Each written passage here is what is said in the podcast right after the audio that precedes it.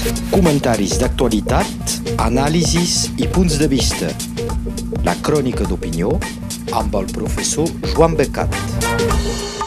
Bon dia, Joan Becat. Bon dia. S'acaben de fer les eleccions a Catalunya i a Espanya. Quins comentaris podem fer? Doncs diumenge passat, 28 de maig, va ser un dia d'eleccions que tothom esperava a Catalunya i a tota Espanya. La campanya va ser molt avorrida i sense passions, però l'elecció podia donar indicacions i tendències reals sobre l'evolució política, perquè els sondeigs a Espanya, encara més que a França, són dubtosos i controlats pels partits i per la premsa. Hi havia, doncs, eleccions municipals a tota Espanya, doncs també a Catalunya, i eleccions autonòmiques per 10 de les 19 comunitats autònomes de l'estat espanyol. Les dues són a la proporcional, hi ha una sola volta. Doncs, amb resultats que obliguen a fer després aliances, pactes, els que siguin, per poder governar. Tot ha de ser tancat pel 17 de juny. Doncs, tres setmanes de maniobres, de compres i de vendes. Ara estem al mig. Els resultats de les eleccions municipals a Catalunya han estat clars i sorprenents per l'amplitud dels moviments dels vots dels electors, més que el que tots els comentaristes pensaven, amb alguns fets principals. El primer és la forta abstenció, més de 10 punts per sota de la resta d'Espanya o de les eleccions catalanes anteriors. No és un desinterès per la política, sinó una sanció de l'electorat independentista contra els seus partits per llur demissió i per haver apartat la independència. Junts baixa poc, com també la CUP. És sobretot Esquerra Republicana que és castigada pels seus electors perquè perd més de 300.000 vots, o sigui, el 40% del seu electorat. És enorme. No se li perdona el seu gir cap a l'autonomisme, el fracàs del seu diàleg amb el govern espanyol de Pedro Sánchez i eh, se la fa responsable principalment de les baralles partidistes dins l'independentisme. Cal dir que per ara Esquerra Republicana no ha mostrat cap remordiments. Declara continuar igual i, de fet, culpa els seus electors pels seus mals resultats. És una manera de veure. Aquesta abstenció va ser volguda a través de preses de posicions diverses i d'una campanya a través de les xarxes socials. És realment una rebel·lió de l'independentisme contra els partits que l'havien de representar. Aquest és el segon fet principal. Tot això, evidentment, se tradueix a nivell dels ajuntaments. Encara no se sap, però és probable que Esquerra Republicana perdrà les ciutats de Lleida i de Tarragona i Junts perdrà Girona, que tornarà als socialistes que la tenien abans que Carles Puigdemont en fos l'alcalde. Com passa sempre, tot se focalitza sobre Barcelona, que també ha vist canvis, amb una incertesa per qui serà l'alcalde, com el 2019, on el primer, Ernest Maragall, per Esquerra Republicana, va ser substituït per una coalició dels comuns, PSC i Manuel Valls, que va elegir Ada Colau. Enguany, qui arriba primer és Xavier Trias, per Junts, amb 11 dels 41 regidors de l'Ajuntament. És primer, però es veu que és lluny de la majoria de 21 regidors. Per governar, li caldrà una aliança amb un o dos partits més. El PSC, socialistes doncs, és segons segon amb 10 regidors, que conserva, doncs, i els comuns d'Ada Colau baixen menys que el previst i guarden nou regidors. Qui són sancionats durament són Esquerra Republicana, que perd més de la meitat dels seus votants i tindrà només cinc regidors. Ciutadanos desapareix, cap regidor, el PP progressa però és marginal i Vox, l'extrema dreta, entra amb dos regidors. Tota la setmana passada van ser transaccions, com ho seran també les dues setmanes que falta fins al 17 de juny. Diverses aliances són possibles, algunes sorprenents i contra natura, però, malgrat això, hi ha converses, per exemple, entre socialistes comuns i el PP, extrema esquerra i extrema dreta. Entengui qui pot. La fórmula la més simple seria un acord entre Junts i el PSC, és a dir, Xavier Trias i Jaume Collboni, que sumarien els 21 regidors. No caldria ningú més. Ja n'havien parlat entre ells, però ara Collboni cerca aliats per ser ell l'alcalde. I d'altra banda, vol incorporar Esquerra Republicana. Collboni i Colau proposen a Esquerra de fer un acord de partits d'Esquerra que sumarien 24 regidors i deixaria Trias, doncs, junts a fora. És el que va passar el 2019, però contra Esquerra Republicana i el mateix Maragall. Si finalment ho accepta, crec que els seus electors no li perdonaran.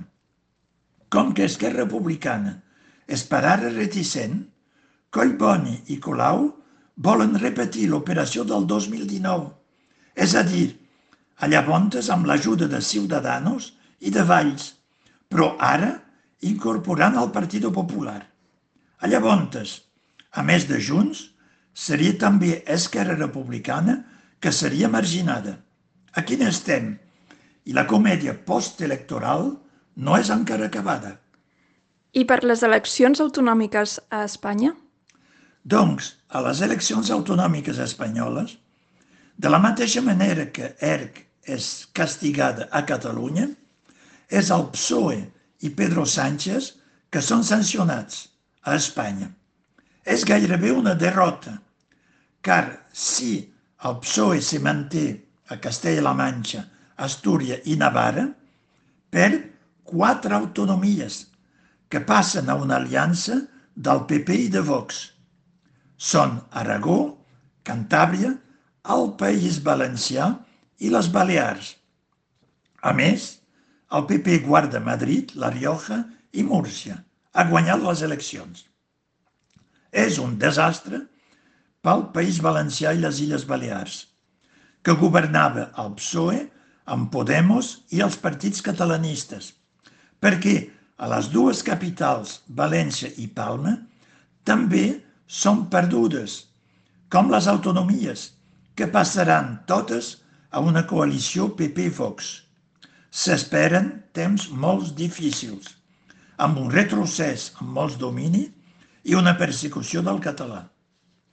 La nit electoral, tots els titulars espanyols eren sobre el fracàs de Pedro Sánchez i l'agonia del seu govern fins a les eleccions generals que són al finals d'any.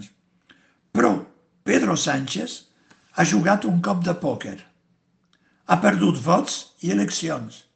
I seria pitjor d'aquí sis mesos, que són els sis mesos de la presidència d'Espanya a la Unió Europea.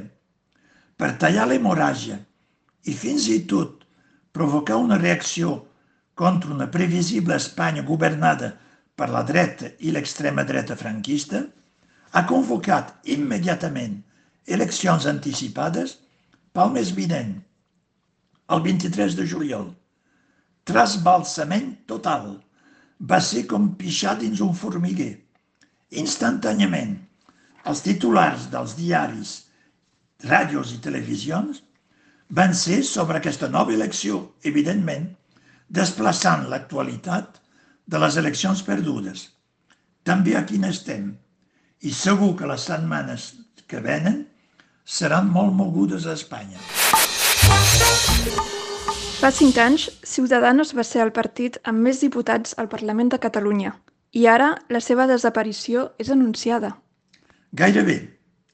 Aquestes eleccions locals i autonòmiques espanyoles han marcat el final del partit estrella dels deu últims anys per la política espanyola.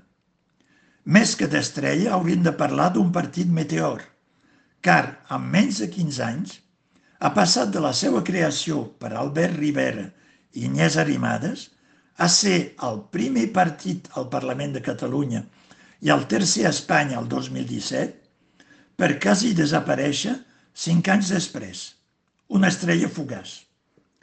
Va ser creat inicialment per oposar-se als independentistes a Catalunya. Se va desenvolupar a tot Espanya, paral·lelament amb Podemos a l'extrema esquerra.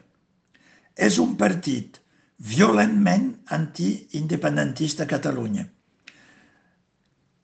Ciutadanos és ideològicament molt a la dreta, per no dir d'extrema dreta, però se presentava com a centrista. Això fa que el Parlament Europeu festejada, festejava els diputats macronistes, que eren dins el mateix grup. A Catalunya ha aconseguit 36 diputats al Parlament i eh, era el primer partit eh, l'any 2017, perquè Junts en tenia 34, Esquerra 32 i el PSC només 17. Ciutadanos era llavors el líder de l'oposició.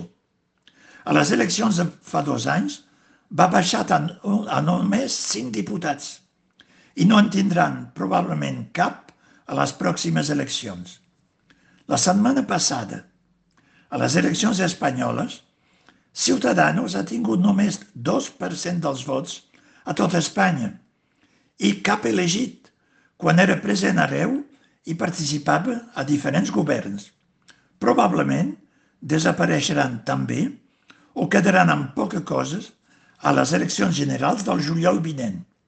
És, doncs, ja ara un partit fantasma. És la fi dels morts vivents. El seu líder fundador, Albert Rivera, ja havia deixat la política. Les rates marxen de la nau que s'enfonsa. Amb aquests resultats lamentables i insignificants, és la líder actual de Ciutadanos, Inés Arrimadas, que ha anunciat que se retira de la política i torna a Jerez, la seva ciutat natal. Però, on han passat els electors de Ciutadanos? Doncs s'han quedat on era, votant ara el PP i sobretot Vox, que ha guanyat en vots a Barcelona exactament el que Ciutadanos ha perdut. M'ha fet pensar a la cèlebre fórmula de Lavoisier, el pare de la química moderna, que deia res es perd, res es crea, tot es transforma. Per acabar, un tema més lleuger. Una periodista vol captar el metà produït per les vaques. Sí, sí, sí, sí, sí, ho heu ben sentit. Tots els ruminants produeixen molts gasos que accentuen l'efecte hivernacle, doncs el, el rescalfament climàtic. És un fet conegut i real, car produeixen metà amb la seva digestió. Entre ells són sobretot les vaques que són criades en gran nombre per la llet i la cara i la carn que eh, fan aquests gasos. La qüestió s'ha posat de moda des de que la Cour des Comptes, el Tribunal de Comptes francès, va preconitzar reduir el nombre de vaques a França, que per altra banda importa molta carn de bovins. Cal saber que el metà, le metana, és conseqüència de la ruminació, de la ruminació primer i de la fermentació després dins l'intestí gros, com per nosaltres, diguem. Les vaques l'evacuen tot el dia, també com nosaltres, però amb molt més quantitat degut a l'herba que mengen i al temps llarg per remugar. Tot això és real i molt seriós, encara que no ho sembli. Però l'altre dia era objecte d'un debat a Arte a l'émission Le Club du Vendredi. Entre opinions diverses, us diré que cap dels cinc tertulians era coneixedor real de la qüestió, però no és per això que s'immutaven, perquè són pagats per parlar encara que no tinguin res a dir. Tanco la parèntesi. Doncs, una periodista n'ha dit una de grossa involuntàriament divertida. Se diu Julie Graziani, que no coneixia jo abans, però que seguiré de l'endavant per l'anècdota de la setmana. És periodista i política. Va dir exactament, és penjat a internet, a Arte. Avez-vous réfléchi à la manière d'utiliser ce gaz produit par les vaches i d'explicar que serviria per les energies renovables, ara que cal disminuir els gasos d'efecte hivernacle.